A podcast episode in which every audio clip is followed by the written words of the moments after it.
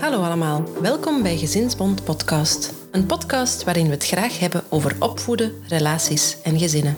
Ik ben Marijke, educatief medewerker bij Gezinsbond en mama van twee lieve, energieke jongens. Elk jaar van 16 tot 23 mei laten we ons licht schijnen op opvoeden. Want groot worden dat gaat niet helemaal vanzelf. Tijdens de week van de groeilamp zetten we ouders, grootouders en andere opvoeders in de spotlight, omdat ze dat dubbel en dik verdienen. Ook met deze reeks van Gezinsbond Podcast willen we je inspireren, zodat jij als opvoeder je licht kan opsteken. Ook als je het even niet meer weet, want ook dat is opvoeden. Er is geen licht zonder schaduw en dat is oké. Deze aflevering van Gezinsbond Podcast laat mijn hart alvast soms wat sneller slaan. Een spannende aflevering over vallen en opstaan. Ik beloof dat ik de oei, ai en pas op kreetjes zal proberen te beperken. Vandaag ga ik in gesprek met Helena Sienaert. Zij gaf op donderdag 6 mei het eerste webinar in de reeks Week van de Groeilamp. Het webinar ging over risicovol spelen en we bundelden de vragen die de kijkers stelden in de chat.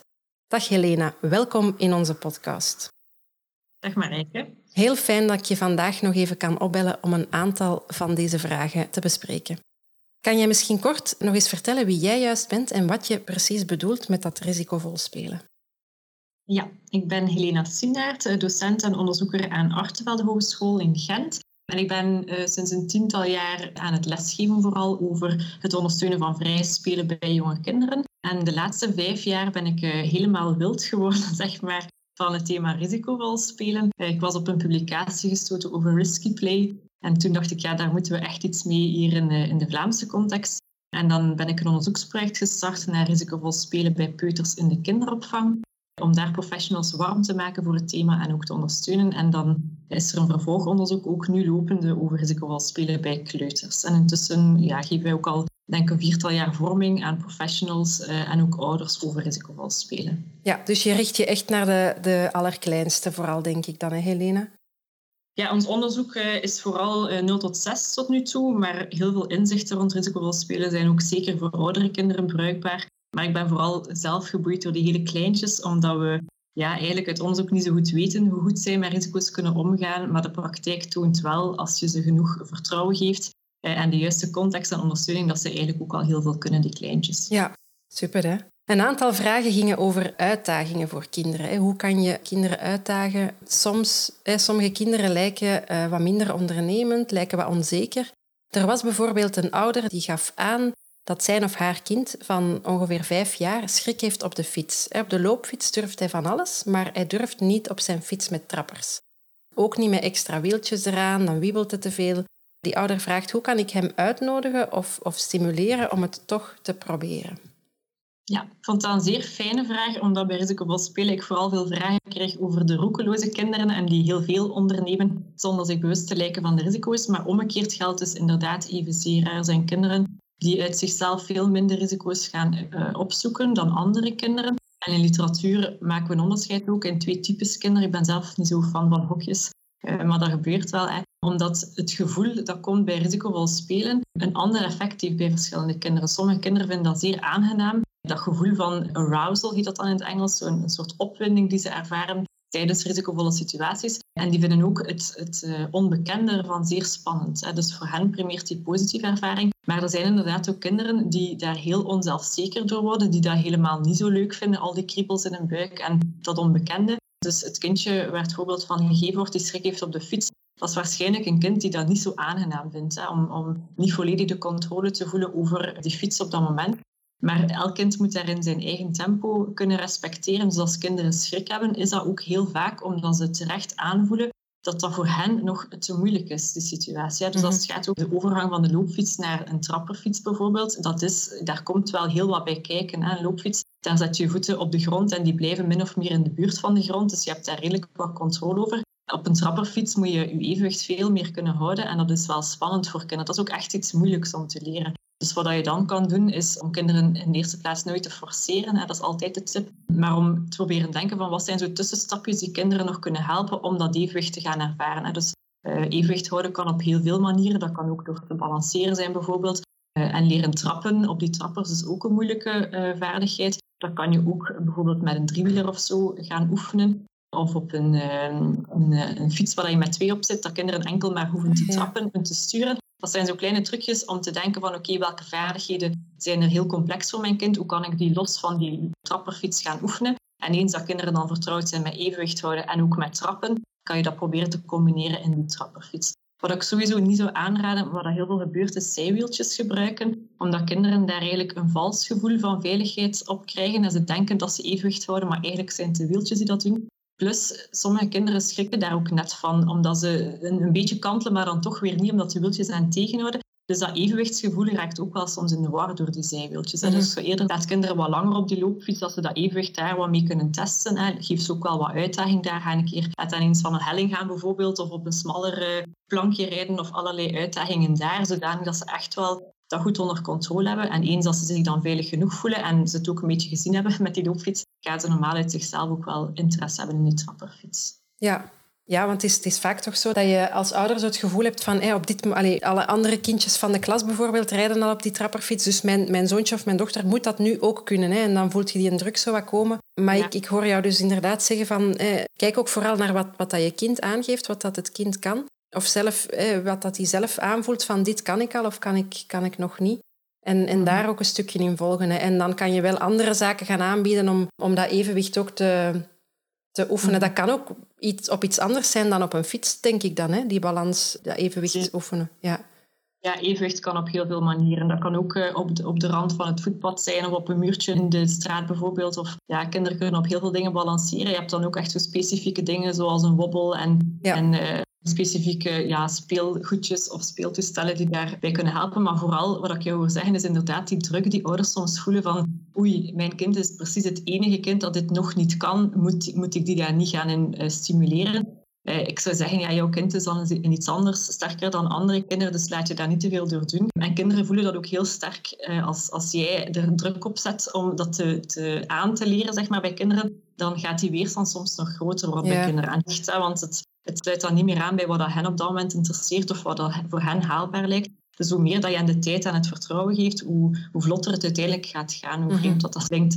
Dus ja, geef ze vooral genoeg tijd om het zelf te proberen en probeer het niet te veel te forceren en zeker niet te veel te vergelijken met andere kinderen. Dus, dus jouw kind is, is anders dan andere kinderen en dat mag ook zo, ja, uh, ja. Zo ja, ik hoor jou ook zeggen, evenwicht oefenen op bijvoorbeeld een, een muurtje in de straat, daar, daar wat oplopen. Daar was ook denk ik een vraag van een van de mama's of papa's. Ehm, die zei van, ik vind dat wel moeilijk om die grens zo wat aan te voelen van... Ik wil wel dat, dat mijn kind eh, allee, daar risicovol spelen, ik sta daarachter, maar het respect voor materiaal van anderen of, of een muurtje van een van de buren, laat ik die daarop lopen. Kan dat of kan dat niet? Dat is natuurlijk, dat gaat over iets anders dan het risicovol spel op zich. Maar het komt er natuurlijk ook wel bij. Ja, absoluut. Zeker als het over klimmen en klauteren gaat, maar ook spelen met impact, waar kinderen echt bewust gaan botsen tegen voorwerpen of met een fiets tegen een muur gaan rijden of tegen elkaar gaan lopen of zo. Daar is er ook inderdaad wel wat zorg over. Ja, maar dat materiaal gaat daarvan kapot. En dan zeker als het materiaal is dat gedeeld wordt of van anderen expliciet is, is dat zeker een zorg die meegenomen moet worden. En dat veel ouders ook spontaan wel vermelden. Als ik spreek over mijn eigen materiaal, dan denk ik, materialen die voor kinderen bedoeld zijn, naar mijn gevoel zouden moeten stevig genoeg zijn. Als je een klimtoestel maakt dat niet bestand is tegen klimmende kinderen of tegen kinderen die daarop springen of zo, dan lijkt mij dat geen goed klimtoestel. Dus dat is één. Maar ook materialen die in de publieke ruimte staan, zoals een muurtje bijvoorbeeld van de stad of, of van de buren. Waar dat mogelijk is, probeer ik op voorhand met mensen te spreken. En zoals de mensen in de straat, dat is makkelijker, die ken je dan. Dan kan je gerust als die buur een keer buiten loopt vragen van ah ja, is het oké dat hij daarop klimt? Hij heeft daar soms zin in. Maar ik weet niet of jij dat wel oké vindt. Sommige mensen gaan spontaan zeggen, oh ja, geen probleem. Andere mensen staan daar niet voor open, maar dan mhm. weet je dat. Als ik zelf twijfel bij mijn kinderen van zou dat oké zijn voor die buur, dan schat ik zelf een beetje in van ja, denk ik dat hij dat erg zou vinden? Denk ik ook dat het effectief kapot kan gaan? Soms neem ik daar een beetje het voordeel van de twijfel en zeg ik oké, doe maar, maar niet te lang. En we gaan het dan eens vragen aan die buurman of dat wel oké is de volgende keer dat we die zien durf je dat niet goed aan, dan, dan kan je ook tegen je kind zeggen van kijk, ik weet niet zeker of die persoon dat wel oké vindt. Ik ga het eerste keer vragen. Uh, ik zie daar een andere plek, je kan daar nu op gaan klimmen. Dus dan mhm. kan ik wel zeggen van kijk, dit is van iemand anders. We willen ook dat we daar uh, zorg voor kunnen dragen. Dus uh, ik heb liever dat we het eerst verifiëren voordat we het dat laten doen. Maar dan benoem ik ook wel van kijk, ik zie dat je zin hebt om te klimmen. En dan bedenk ik samen van oké, waar, waar is een andere plek of op welk ander moment kan je dat dan effectief wel doen. Ja, wat bij motorische problemen. Hè. Er was iemand die aangaf, mijn, mijn peuter, iets ouder dan twee jaar, is een beetje trager hè, in motorische ontwikkeling, de grove motoriek dan. Ze gaan ervoor naar een kinesist. Hij durft ook niet zo goed, hij is eerder gemakzuchtig, zegt die, die mama. Het zal dus geen hoogte opzoeken die hoger is dan de zetel bijvoorbeeld. Hoe kan ik of moet ik hem daarin aanmoedigen? Ja, een beetje hetzelfde uh, verhaal daar als bij die loopfiets. Elk kind heeft zijn eigen tempo. En zeker als je weet uit onderzoek of uit, uit verhalen van anderen van kijk, die peuter die evolueert wat trager op vlak van grove motoriek en die wordt daar ook voor behandeld door een kinesist, en dan lijkt het mij ook ergens logisch dat dat kind minder geneigd gaat zijn tot die motorische uitdaging. Het kan heel goed zijn dat hij goed inschat met mijn motoriek is die zetel of alles wat hoger is dan die zetel nog te moeilijk. Hè? Dus dan hoef je zeker dat kind niet erin te forceren, zolang dat je voelt van die daagt zichzelf uit en die probeert af en toe wel eens iets wat wel spannend aanvoelt voor hem, lijkt mij dat wel oké. En als er echt een achterstand komt op vlak van motoriek en de kinesist zegt van ja, we moeten die echt meer aanmoedigen, want dat is, dat is meer het expertise van, van de kinesist dan, hè, eh, dan kan je wel gaan, gaan vragen van oké, wat kunnen we thuis doen om die uit te dagen, dat dat wel speels blijft. Het hoeft geen extra therapie per se te worden thuis, mhm. maar dat dat speels blijft, maar dat we wel eh, proberen om die grenzen misschien iets, iets sneller te verleggen. Maar Sowieso ben ik ervan overtuigd dat kinderen pas de volgende stap nemen op het moment dat ze er klaar voor zijn. Dus de vraag is maar of dat ook makkelijk lukt om kinderen zover te krijgen dat ze spontaan uh, dat extra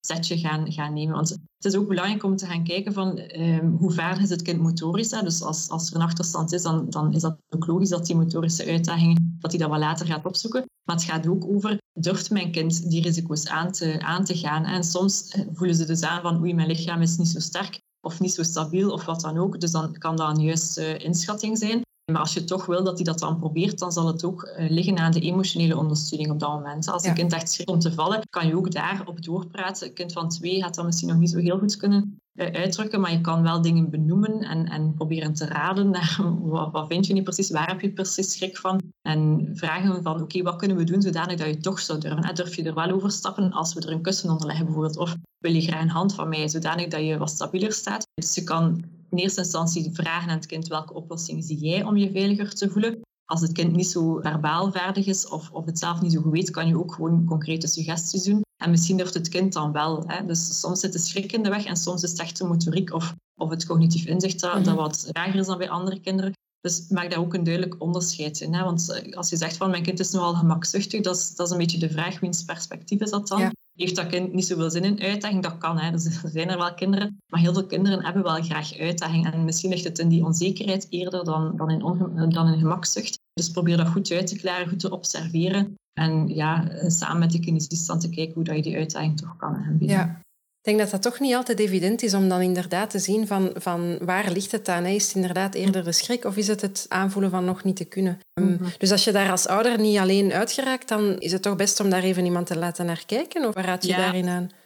Ja, als je, ik denk dat ouders heel veel zelf kunnen. Er zijn heel veel experten gelukkig voor momenten dat het moeilijker loopt. Eh, maar ik denk dat ouders hun eigen kind ook vaak heel goed kennen. Dus als zij goed opletten op momenten dat kinderen spelen en, en proberen met een open geest daarnaar te kijken, dan denk ik dat heel veel kinderen het wel aangeven op een of andere manier. Het is soms wel zoeken welke manier wat dat ze durven, wat dat ze kunnen en, en waar dat, dat dan mee te maken heeft. Maar stel dat je echt voelt van oei, ik, er is hier motorische achterstand en ik, ik heb al stress, ik wil graag dat, dat als ouder dat dat ik alles doe wat dan mogelijk is om mijn kind eh, verder te helpen, eh, dan kan je inderdaad met die kinesist, eh, zeker als er al contact is, dat wel een keer bespreken van kijk, ik wil uitdaging bieden, maar ik voel dat dat niet evident is. Heb jij ideeën om dat te doen? Maar dan, het is ook belangrijk om te weten dat die kinesist uiteraard vanuit zijn expertisegebied of vanuit haar expertisegebied gaat nadenken. Wat ook kan helpen, is om met andere ouders erover te hebben. Want gelukkig hebben niet heel veel kinderen die, die achterstand op, op vlak van rovenmotoriek. Maar er zijn wel kinderen ook die wat trager zijn op bepaalde vlakken. En het is net door met veel ouders over te praten dat je wel gaat merken van, ah ja, er zijn eigenlijk nog kinderen bij wie dat, dat niet zo evident gaat. Of die ook gemakzuchtig lijken of pas schrik hebben om, om uitdagingen aan te gaan.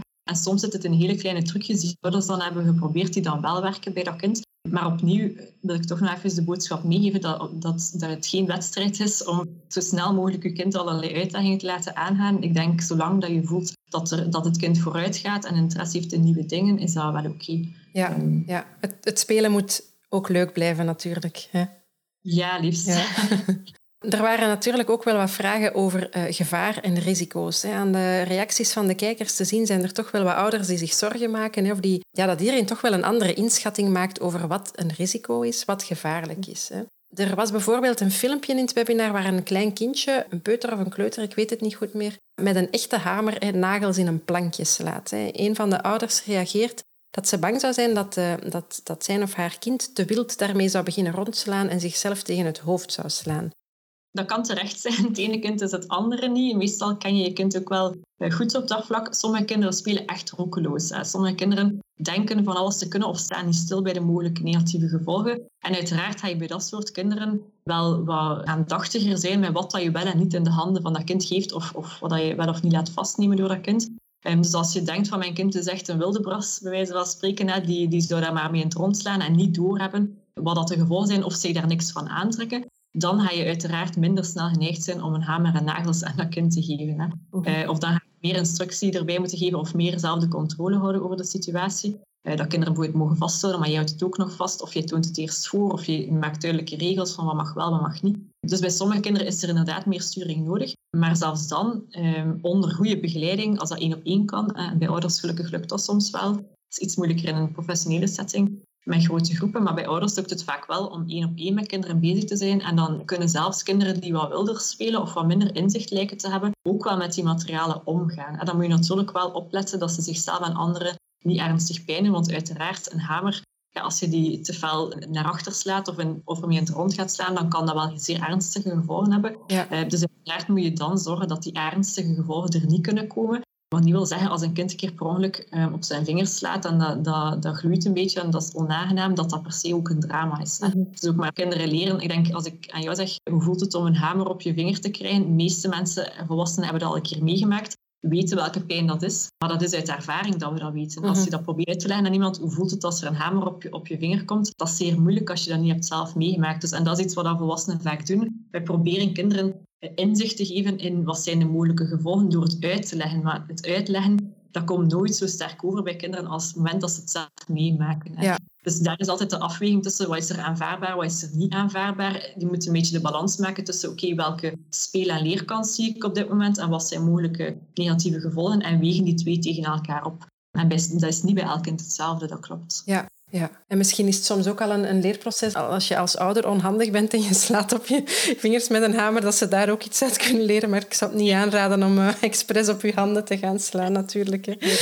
om je kinderen te leren. Soms mensen zeggen, dan hoor ik ook soms mensen zeggen van, ah ja, en ik, ik hou dan een keer al die handjes tegen die chauffage en dan voelen ze het dat het gevaarlijk is. Maar dan denk ik, dat is ook weer iets anders. En dan ga je echt een letsel toebrengen om kinderen een lesje te leren, dat is uiteraard ook niet wat we willen. Eh, want wat ik nog wil zeggen bij, bij dat verschil tussen gevaar en risico is ook, wij maken een heel duidelijk onderscheid tussen in gevaar zijn, wat iets heel passief is, en een risico nemen. Ja. Ehm, en in gevaar zijn, daarmee bedoelen we, kinderen hebben niet door dat er een bepaald gevaar aanwezig is. Uh, bijvoorbeeld, ik geef dan soms voorbeeld van, ik zet een baby in het midden van een kruispunt. Eén, die heeft niet door wat voor gevolgen er zijn aan de situatie, wat er kan gebeuren als, als er een auto tegen hem rijdt. En twee, zelfs als die dat zou doorhebben, die heeft echt niet de juiste vaardigheden op dat moment, nog cognitief, nog fysiek, waarschijnlijk om zich daartegen te beschermen. Dus dat is echt een situatie waarin een kind in gevaar is. En dat is ook vaak een situatie waar dat wij kinderen in brengen als mhm. volwassenen. Een eh, kind gaat soms zichzelf ook wel in gevaar brengen. Zeker zo de jongere kinderen, baby's, peuters, die zich nog van weinig gevaar bewust zijn. Maar dus, wij brengen hen soms ook onbewust in gevaar. Eh, door bijvoorbeeld een kind bovenaan een glijbaan te zetten dat er niet zelf is opgeklommen gaat dat kind helemaal niet die ervaring hebben van hoger klimmen en onzekerheid voelen en misschien even de grip lossen en dan voelen van oei, ik ben bijna gevallen. Als je een kind plots bovenaan gaat zetten, is het in gevaar omdat het helemaal niet beseft hoe hoog het wel zit. Of soms hebben ze het wel door en raken ze in paniek en hebben ze niet echt meer de controle over de situatie. Maar als je kinderen spontaan laat doen, gaan ze heel vaak wel kunnen inschatten wat ze wel en niet aankunnen. Hè. Mhm.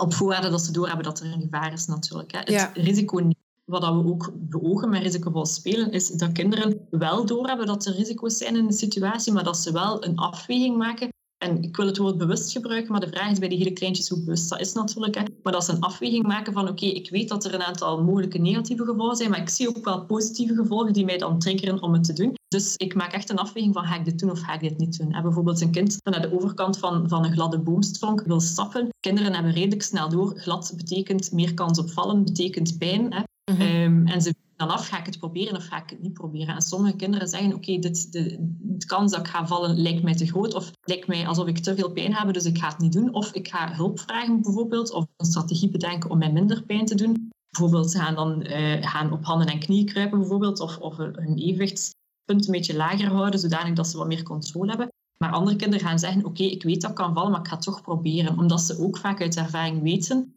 dat dat een heel spannend gevoel is om dat te doen en dat ze ook zeer fier zijn op het moment dat ze dan die overwinning hebben behaald. Dus dat is iets wat kinderen ook heel sterk motiveert om dat toch te gaan doen, eh, dat risicovol spelen. Ja. Er was ook zo iemand die vroeg van, als mijn kind in een boom klimt, is er altijd wel een kans dat hij eruit valt en op zijn hoofd valt. Ze zegt zelf van, dat is wel doemdenken, maar ja, kan je dat dan als een aanvaardbaar risico inschatten? Ja, als het gaat over hoe aanvaardbaar een risico, dat is eigenlijk iets zeer complex om in te schatten. En je gaat uiteraard de kans dat er iets misloopt in rekening brengen en ook hoe ernstig is dat dan. Die ernst, ja, dat is redelijk evident als het gaat over boomklimmen. Hoe hoger een kind klimt, hoe, hoe ernstiger een mogelijk letsel kan zijn. Hè? Als ze van, van acht meter hoog vallen, is dat, is dat ernstiger het letsel meestal dan als ze maar van één meter hoog vallen. Maar de kans op een letsel is ook iets zeer belangrijk om mee in te schatten. En dat hangt van heel veel dingen af. Als het net geregend heeft en die boom is glad, dan is er meer kans dat kinderen gaan vallen. Als ze niet de juiste schoenen aan hebben, ze zijn te groot bijvoorbeeld, of het zijn schoenen met, met een heel gladde zool, is er meer kans dat ze gaan vallen. Als ze nog nooit in een boom geklommen hebben, is er meer kans dat ze gaan vallen. Of als ze nog jonger zijn en minder ervaren zijn, enzovoort. Dus er spelen heel veel dingen mee om die kans dat kinderen vallen te gaan bepalen. En je hebt daar als volwassene ook wel heel wat impact op. Als jij samen met kinderen bespreekt van kijk, je wil graag klimmen, maar het heeft geregend, voel eens of het niet te glad is bijvoorbeeld. Of probeer eerst een keer tot aan die tak. Als dat goed lukt, kan je een beetje verder bijvoorbeeld. Dan ga je die kans op een letsel samen met het kind eigenlijk gaan beperken. En uiteraard, als een kind op 8 meter hoogte zit en het valt, het kan altijd gebeuren. Hè? Mhm. Zelfs als je denkt, de kans is heel, heel klein, het kan altijd gebeuren. En dat is, dat is als ouder echt niet zo fijn, dat idee, maar dat is wel zo. Ehm, ja, dan, dan hoe hoger een kind zit, hoe meer kans op een ernstig letsel uiteraard. Dus ik versta dat dat voor ouders en ook voor professionals niet evident is om dat dan toch toe te laten. En daar zou ik vooral zeggen, ja, het is een afweging opnieuw tussen wat is de speel- en leerkans van dat wel toe te staan bij kinderen en wat zijn ook de mogelijke gevolgen. En bij oudere kinderen, want als het dan echt gaat over hoogboomklimmen, zijn dan meestal ook al oudere kinderen, kan je ook wel met hen die afweging samen maken. Maar uiteindelijk ben jij verantwoordelijk. Dus, dus, ja, uiteindelijk mag jij ook wel zeggen aan kinderen van dit vind ik echt te hoog. Mhm. Als je echt voelt, weegt niet meer op tegen elkaar. Het hangt er ook vanaf welke bomen het is trouwens. Als het gaat over die, die kans dat er iets misgaat. Sommige bomen zijn eigenlijk zo mooi breed waaierend dat je weet van als ze vallen, vallen ze eerst nog op een aantal takken en dan pas op de grond. Andere, als je op de buitenste tak zit, dat je valt echt recht acht meter naar beneden bijvoorbeeld, dan is dat veel gevaarlijker nog. Dus het is zo afhankelijk van hoe ziet die boom eruit, wat is de ondergrond, hoe stevig kan je kunt klimmen.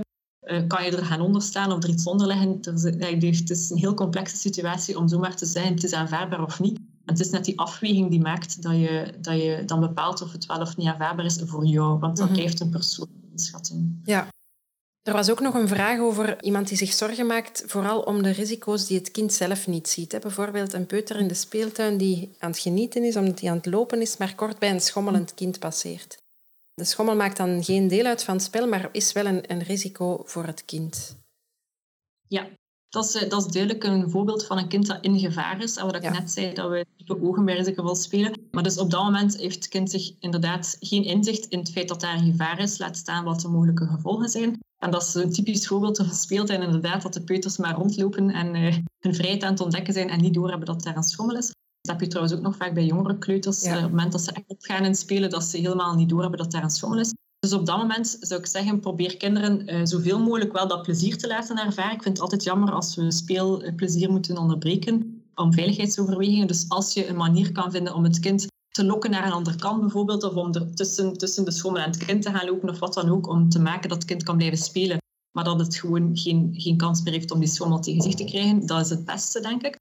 Uh, maar het is wel heel belangrijk op het moment dat het kind dan zo iets minder enthousiast aan het opgaan is in het spelen, dat je wel nog een keer erop wijst van kijk eens, daar stond een schommel je bent daar vlak naast gelopen. Wat kan er gebeuren als die schommel tegen jou was gebotst? En dat je dat wel probeert te vergelijken met situaties die het kind wel kent. En bijvoorbeeld, weet je nog die keer dat je gebotst was of dat er iemand met de fiets tegen jou was gebotst? Of eh, weer dan een vergelijking te maken met iets wat het kind kent. Dan, dan weet het kind meestal nog wel van, ah ja, dat was inderdaad niet zo fijn. Dus dan kan je zeggen, kijk, dat kan evenveel pijn en je moet echt goed opletten als je speelt, ja, dat, je, dat, dat je geen schommel tegen jou krijgt. Natuurlijk bij die heel jonge kinderen, baby's, peuters, de vraag is maar, wat blijft er daarvan hangen dan? Mhm. hè? En het is eigenlijk niet zo fijn voor kinderen, voor elke leeftijd eigenlijk, als ze constant moeten opletten voor echt gevaren in de omgeving. Zo'n schommel die kan botsen tegen hen, dat heeft inderdaad geen enkele link met hun speelwaarde op dat moment. Dus het kan ook helpen om de jongere kinderen dan een beetje in een aparte speelomgeving te laten, waar dat, dat risico er bijvoorbeeld niet is. Maar het is altijd een moeilijke balans tussen hoe veilig maken we dat dan voor hen, hè? want dat kan ook te weinig uitdagend zijn, en wanneer vinden we wel dat ze klaar zijn om in een iets risicovollere omgeving te gaan spelen. En ik, ik ben altijd wel eh, voorstander van laat kinderen wel door elkaar spelen en hou, hou als volwassene de risico's goed in de gaten. En opnieuw als ouder er zijn, er zijn grote gezinnen, maar de meeste gezinnen zijn redelijk beperkt qua aantal kinderen. Dus lukt het ook wel vaak om één op één of één op twee te gaan ondersteunen. En dan ja, kan je eigenlijk kinderen wel vrij laten spelen met de juiste mhm. ondersteuning. Ja. Ja, ik moet nu zelf denken aan hè, een, een, schommel in de tuin bijvoorbeeld. En als er dan toch eens, eens wat neefjes en nichtjes uh, op bezoek zijn, waar dat daar dan toch wel veel kindjes rondlopen, dan, dan ik, ik, denk dat ik eerder geneigd zou zijn van dan die oudere kinderen erop aan te spreken van zij voorzichtig op die schommel, want hè, dat kleintje loopt daar nog rond. Maar dat is misschien ook niet helemaal de juiste reflex. Ik denk dat we ze eigenlijk er beiden een stukje attent op zouden moeten kunnen maken dan. Hè? Ja. Ja, wel, het, het ding is als kinderen echt goed opgaan in een spel, wat we eigenlijk wel graag willen, omdat ze dan zeer betrokken zijn en dan ook daar meestal veel uit leren, dan, ja, dan is het altijd jammer om dat te onderbreken, omdat ze moeten rekening houden met anderen. Aan de andere kant, de maatschappij is nu zo, hè, er lopen andere mensen rond en we moeten met elkaar rekening houden, gelukkig maar. Dus het is zeker oké om oudere kinderen daarop te wijzen van let op voor die kleintjes. Alleen moet je zorgen dat in gemengde groepen, hè, wat dat ook zeker in professionele settings geldt, maar ook in gezinnen soms, als er echt een duidelijk verschillen in ontwikkeling tussen verschillende kinderen, dat je ook niet altijd de oudere kinderen de uitdaging ontneemt omdat er kleintjes zijn. En zorg dan gewoon dat er genoeg momenten zijn, bijvoorbeeld, dat ze wel vrijuit kunnen spelen.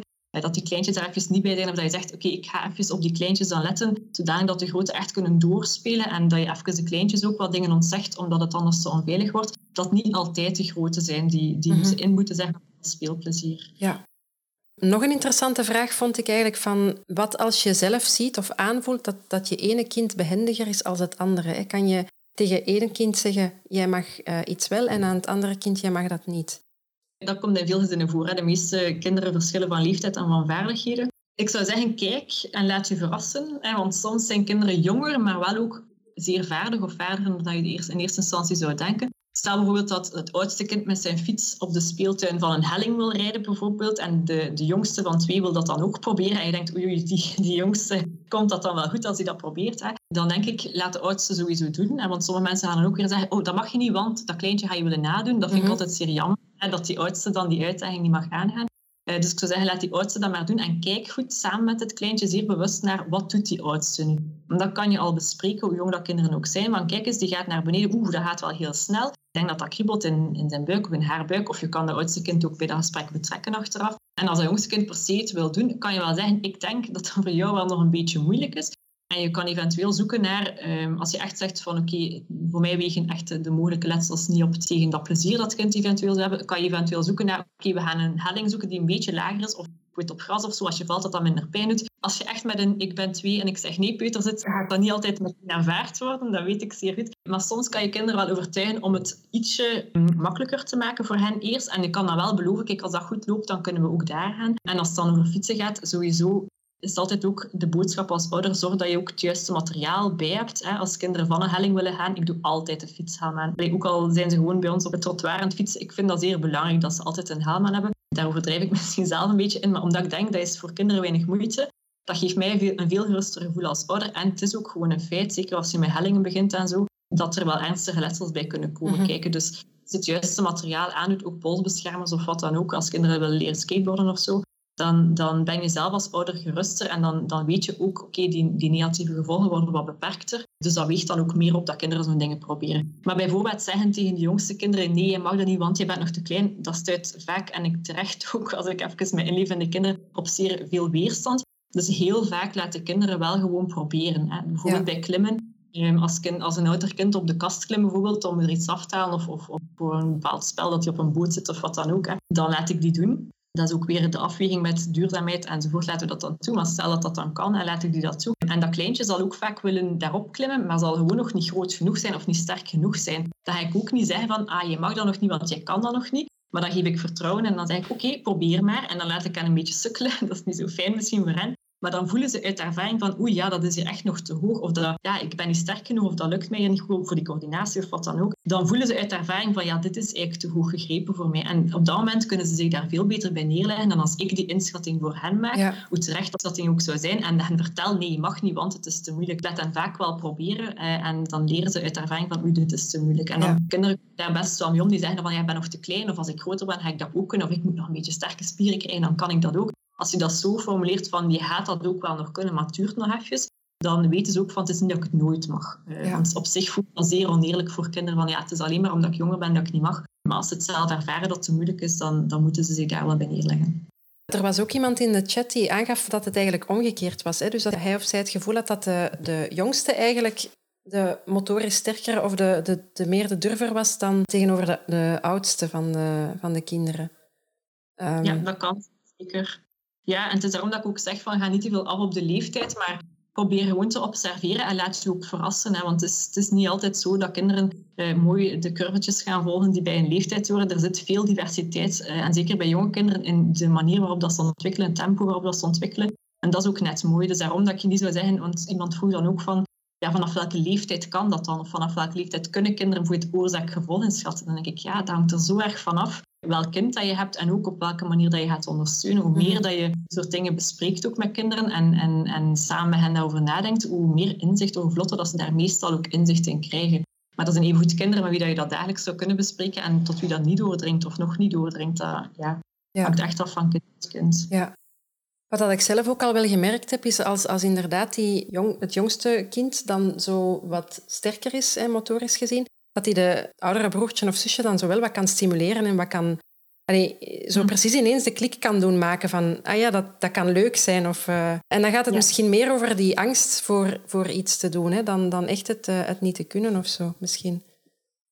Ja, ik denk allee, een van de acht vormen waar risico wil spelen is plaatsvervangend risico. Dat betekent dat kinderen kijken en luisteren naar anderen die een risico nemen. En we voelen dat dat heel sterk inderdaad motiverend kan zijn. Als een kind iets aandurft, bijvoorbeeld het durft met zijn fiets tegen de muur rijden, ik zeg nu maar iets, en, en dat, dat, ziet er heel erg leuk uit. En kinderen zijn aan het gillen van plezier. En, en ze zijn eh, super fier dat, dat, dat, ze zich geen pijn hebben gedaan. Of dat ze zo hard hebben gedurfd bijvoorbeeld dan is dat inderdaad aanstekelijk voor andere kinderen. Hè. En als zij dat dan zelf niet durven, gaat het plezier en, en de fierheid van de kinderen die het wel hebben gedurfd soms echt een trigger zijn om het wel te proberen. En sommige kinderen hebben ook gewoon wat tijd nodig om te observeren en die schrik die ze hebben ook wat meer te kaderen door te kijken naar hoe doen de anderen dat. Welke strategie gebruiken ze, wat werkt er, wat werkt er niet. En soms geeft dat hen voldoende vertrouwen om dan zelf ook de stap te zetten. Dus dat is ook een heel goede tip voor de mensen die zeggen, ja, mijn kind durft precies niet veel risico's aan te gaan of, of is daar wat trager in dan andere kinderen. Laat dan gewoon veel kijken naar kinderen die mhm. dat wel doen. En benoem vooral dan bij de kinderen die, die niet zo veel risico's aangaan, benoem dan de positieve gevolgen. En zie een keer hoe leuk dat dat eruit ziet. Of, amai, die is wel heel fier dat dat gelukt is. Of, kijk eens, die is helemaal tot boven geraakt. Ik denk dat dat wel leuk is. Dan heeft hij een overzicht over de buurt enzovoort. Dus probeer bij kinderen die, die wat twijfelen of die wat moeilijker risico's aangaan, kan je vooral die mogelijke positieve gevolgen benoemen. En vooral door de dingen die ze zien, maar je kan daar ook samen over nadenken bij de kinderen die wat roekelozer zijn en uh, zomaar in het wilde weg uh, spelen zonder blijkbaar erover na te denken, kan je dan vooral stilstaan bij wat zijn de mogelijke negatieve gevolgen. Oké, dat is hier wel heel erg leuk als je met die stok aan het rondzwaaien bent, maar wat kan er gebeuren uh, als je dan tegen in je eigen oog slaagt of, of als iemand raakt die iets passeert? Dus daar, die kinderen moeten dan wat meer gesensibiliseerd worden zeg maar, voor de mogelijke negatieve gevolgen. Ja. Misschien nog een laatste vraag, Helena. Er waren ook wel wat, vragen over uh, reacties van de omgeving. Hè? Hoe ga je als ouder reageren tegenover andere mensen die het afkeuren dat je kind risicovol aan het spelen is? Ja, dat is uh, een, een heel grote drempel voor veel ouders, omdat helaas heel wat mensen niet weten waarom risicovol spelen belangrijk is voor kinderen. En misschien moet ik nog even ook herhalen waarom het belangrijk is voor de mensen die, die het webinar niet gevolgd hebben. Er zijn heel wat voordelen aan het feit dat kinderen met risico's geconfronteerd worden. Hè. Bijvoorbeeld het feit dat ze die onzekerheid en die angst die daar soms bij hoort, dat ze dat leren te overwinnen. Maar ook dat ze zichzelf, hun eigen lichaam, in een situatie beter leren inschatten. En wat durf ik, wat kan ik? Maar ook de risico's in de situatie beter leren inschatten. Dus we noemen dat risicocompetent worden. Dat kinderen een juiste match inschatten tussen wat durf ik en wat kan ik en welke risico's en mogelijke gevolgen zijn er daarbij. En dat lukt alleen maar door hen in contact te laten komen met risico's. Dus als ouders dat niet inzien, wat ik zou begrijpen, want heel veel mensen zijn niet zelf zo opgevoed of hebben dat niet in een opleiding of zo gezien, dan is het logisch dat mensen eh, vanuit een soort verantwoordelijkheidsgevoel ook jouw kind in de gaten gaan houden. En op zich is dat ook iets moois. Hè? Als je, it takes a village to raise a child, zeggen mensen mhm. vaak. Hè? Dus mooi dat er een soort van gemeenschapsgevoel ontstaat vaak op het moment dat er kinderen in het spel zijn. Dus dan, ik zeg dat dan ook van, hè, dus het is fijn dat je ook mee oplet voor de veiligheid van mijn kind. Ik vind, vind dat tof dat je, dat je dat in de gaten hebt dat hij dat in het doen is. En ik, ik, ik eh, vraag dan ook door van, ja, wat vind je daar precies gevaarlijk aan of waar heb je dan precies schrik van? Om eigenlijk het perspectief van die andere ouder te begrijpen. Want heel vaak denkt hij dan over de negatieve gevolgen eh, door. En dan, dan bevestig ik vaak wel van, ja, dat is waar, die kan daar afvallen. Maar en dan geef ik mijn uh, kant van het verhaal. Ik zeg, ja, ik heb dat wel gezien. Ik, eh, ik weet dat dat kan gebeuren. Maar ik weet ook, als hij daarop geraakt, gaat hij super fier zijn. Of die heeft al heel veel geklommen. Ik, dat is echt een klimmer. Ik weet dat hij dat wel onder controle heeft. Of kijk, ik, ga, ik, ik sta in de buurt en mocht er iets zijn, dan ga ik wel tussen beiden komen bijvoorbeeld. Dus ik probeer dan zo de positieve gevolgen en mijn visie erop ook mee te geven aan ouders. En ja, heel vaak merkt, werkt dat wel als ouders voelen van, ah ja, die heeft daarover nagedacht. Dat is hier niet zomaar een, een mhm. voorbeeld van eh, onoplettendheid of van, van verwaarlozing verbeterd. Um, dat zou ook kunnen, hè, dat ik het gewoon niet gezien had. Dus op die manier vind ik de ouders je daarop aanspreken. Maar ik vind het wel belangrijk om dan ook mijn visie mee te geven, zonder dat ik dan met mijn vingertje in de lucht ga staan zwaaien. Ik kan me inbeelden dat sommige ouders daar ambetant van worden. Dat ze zoiets hebben van, laat mij gerust als mijn kind en ik weet het beter. Maar ik vind het net fijn om ook te luisteren van hoe kijken andere ouders daar naartoe. Omdat het inschatten van risico's ja, is iets zeer persoonlijks. En soms leer ik daar ook wel uit van, ah ja, dat is waar, dat had ik nog niet bekeken. Ehm, dus ik vind dat net altijd waardevol om dat gesprek toch uh, aan te gaan. Ja.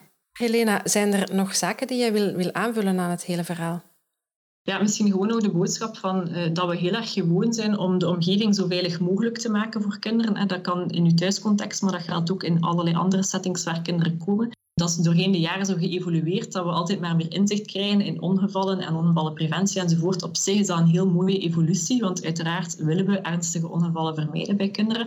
Maar de slinger is soms wel wat doorgeslaan door alles zo veilig mogelijk te maken. Eh, dat er voor elk soort gevaar een, een, hoekige punt van de tafel, daar zijn dan beschermers voor. En heb dan dingetjes om in je stopcontact te steken, enzovoort, enzovoort. En op de duur wordt je huis bijna een, een eh, luchtkasteel, zeg maar, waar dat er niks meer kan misgaan. Ehm, en uiteraard voor de dingen zoals elektriciteit, ja, zou ik zeggen, gebruik dat dan. Als je twijfelt of kinderen een vinger daar gaan insteken, gebruik dat dan. Dat is iets wat geen speelwaarde oplevert. Dat kan alleen maar pijnlijk zijn voor kinderen en gevaarlijk. Maar zoiets als een, een, een hoekige punt van een tafel, ik denk, ja, wat is de kans dat een kind daar net met zijn oogje opvalt en dan echt een blijvend les heeft? Dat is heel, heel klein. Uiteraard, het is er. Hè? Dus ik begrijp dat ouders zich daardoor dan laten doen en zeggen, oké, we gaan overal van die beschermertjes opkleven. En het hangt ook uiteraard weer vanaf welk kind dat je hebt. En bij sommige kinderen is dat misschien wel een goed idee voor je eigen gemoedsrust. Dat je even zeker bent dat dat al niet kan mhm. gebeuren als ze spelen. Maar wij pleiten eigenlijk voor, uh, wat ook in literatuur wordt aangegeven, voor de omgeving zo veilig als nodig te maken. En daarmee bedoelen we, uiteraard ga je die gevaren die echt tot ernstige letsels kunnen leiden, of waar dat er geen speelwaarde aan zit, die neem je weg. Zoals een beschermer in stopcontact bijvoorbeeld. Of ja, de fietshelm aandoen op het moment dat je in het verkeer gaat. Uiteraard is dat belangrijk. Of een gordel aandoen als je in de auto gaat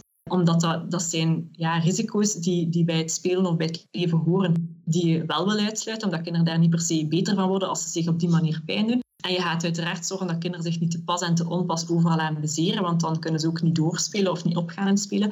Maar los daarvan ga je wel de risico's die wel een meerwaarde kunnen hebben voor kinderen wel toelaten. Hè. Ook in je omgeving. Als je een ruw muurtje hebt, je kan alleen maar focussen op, ja, maar je kan daar een schram oplopen, je kan daar afvallen en je kan enzovoort enzovoort. Maar het is ook belangrijk om te denken, wat kunnen kinderen daar wel aan fijn spel tonen en wat kunnen ze daar wel uit leren. Hè? Ze kunnen daar eh, winkeltje aan spelen, ze kunnen daar afspringen, ze kunnen daarop balanceren, ze kunnen daar heel veel toffe dingen aan doen. Eh, dus als je dat muurtje zou wegnemen, oké, dan zijn de risico's ook weg, maar dan zijn er ook heel veel speelkansen weg. Ja. Dus probeer daar een evenwicht te zoeken in wat staan we toe, wat staan we niet toe. Dus niet zo veilig mogelijk, maar zo veilig als nodig. Ja. Stel dat de mensen thuis er nog wat meer over willen te weten komen lezen, luisteren, kijken. Waar kunnen ze dan eventueel nog terecht, Helena? De meest logische plek waar ik naar verwijs is onze website. Een heel evidente naam www.risicovolspelen.be. En daarop vind je ook ehm, de link naar onze Facebookgroep. Um, daar zitten heel wat ouders op intussen. Ik denk, als ik me niet vergis, een 3500 tal mensen zitten erop. Een mix van ouders en ook professionals en studenten enzovoort. Dus als je concrete vragen hebt, eh, post ze daar maar op. Dan uh, krijg je gegarandeerd wel een antwoord van andere ouders of professionals. Als je voorbeelden hebt van wat dat jouw kind heeft uh, ondernomen, zijn we ook altijd heel blij met filmpjes en foto's. en omgekeerd krijg je in ruil ja, massa's filmpjes en foto's en voorbeelden van andere ouders die wel helpen ook om te zien dat kinderen inderdaad op heel veel in staat zijn. Want ja, als, je de, als je kinderen niet toestaat om risicovol te spelen, dan, dan zie je ook geen goede voorbeelden waarin dat het goed afloopt. En dan is het moeilijk om te geloven dat kinderen daar wel competent in kunnen zijn. En op onze Facebookgroep staat het vol met voorbeelden waar dat het behoorlijk risicovol wordt soms en dat het toch fijn afloopt. En dat is goed om, om je beeld een beetje genuanceerder te maken. Hè. Dat het doemscenario van oei, het gaat waarschijnlijk een heel ernstig letsel opleveren, dat wordt een beetje genuanceerd, omdat je veel voorbeelden ziet waarin het wel goed afloopt. Ja, geloven in je kind. Ik denk dat dat een mooie is om mee af te sluiten. Ja, uh, dus uh, iedereen naar www.risicovolspelen.be, denk ik dat het was. Hè? Ja. Uh, ja. Heel erg bedankt, Helena, om, om ja, nog eventjes dit gesprek met ons te willen aangaan. Zeer graag gedaan. Dit was het weer voor vandaag. Wil je in de toekomst nog meer van deze podcast beluisteren? Abonneer je dan in je favoriete podcast-app en mis geen enkele aflevering van Gezinsbond Podcast. Laat ons weten wat je ervan vindt via een recensie in je favoriete podcast-app of stuur een mail naar podcast.gezinsbond.be. Wil je op de hoogte blijven van de laatste updates? Volg ons dan op Facebook en Instagram. Zin om nog wat meer te lezen? Neem dan een kijkje op goedgezind.be. Zo, iedereen thuis? Bedankt om te luisteren en tot de volgende keer.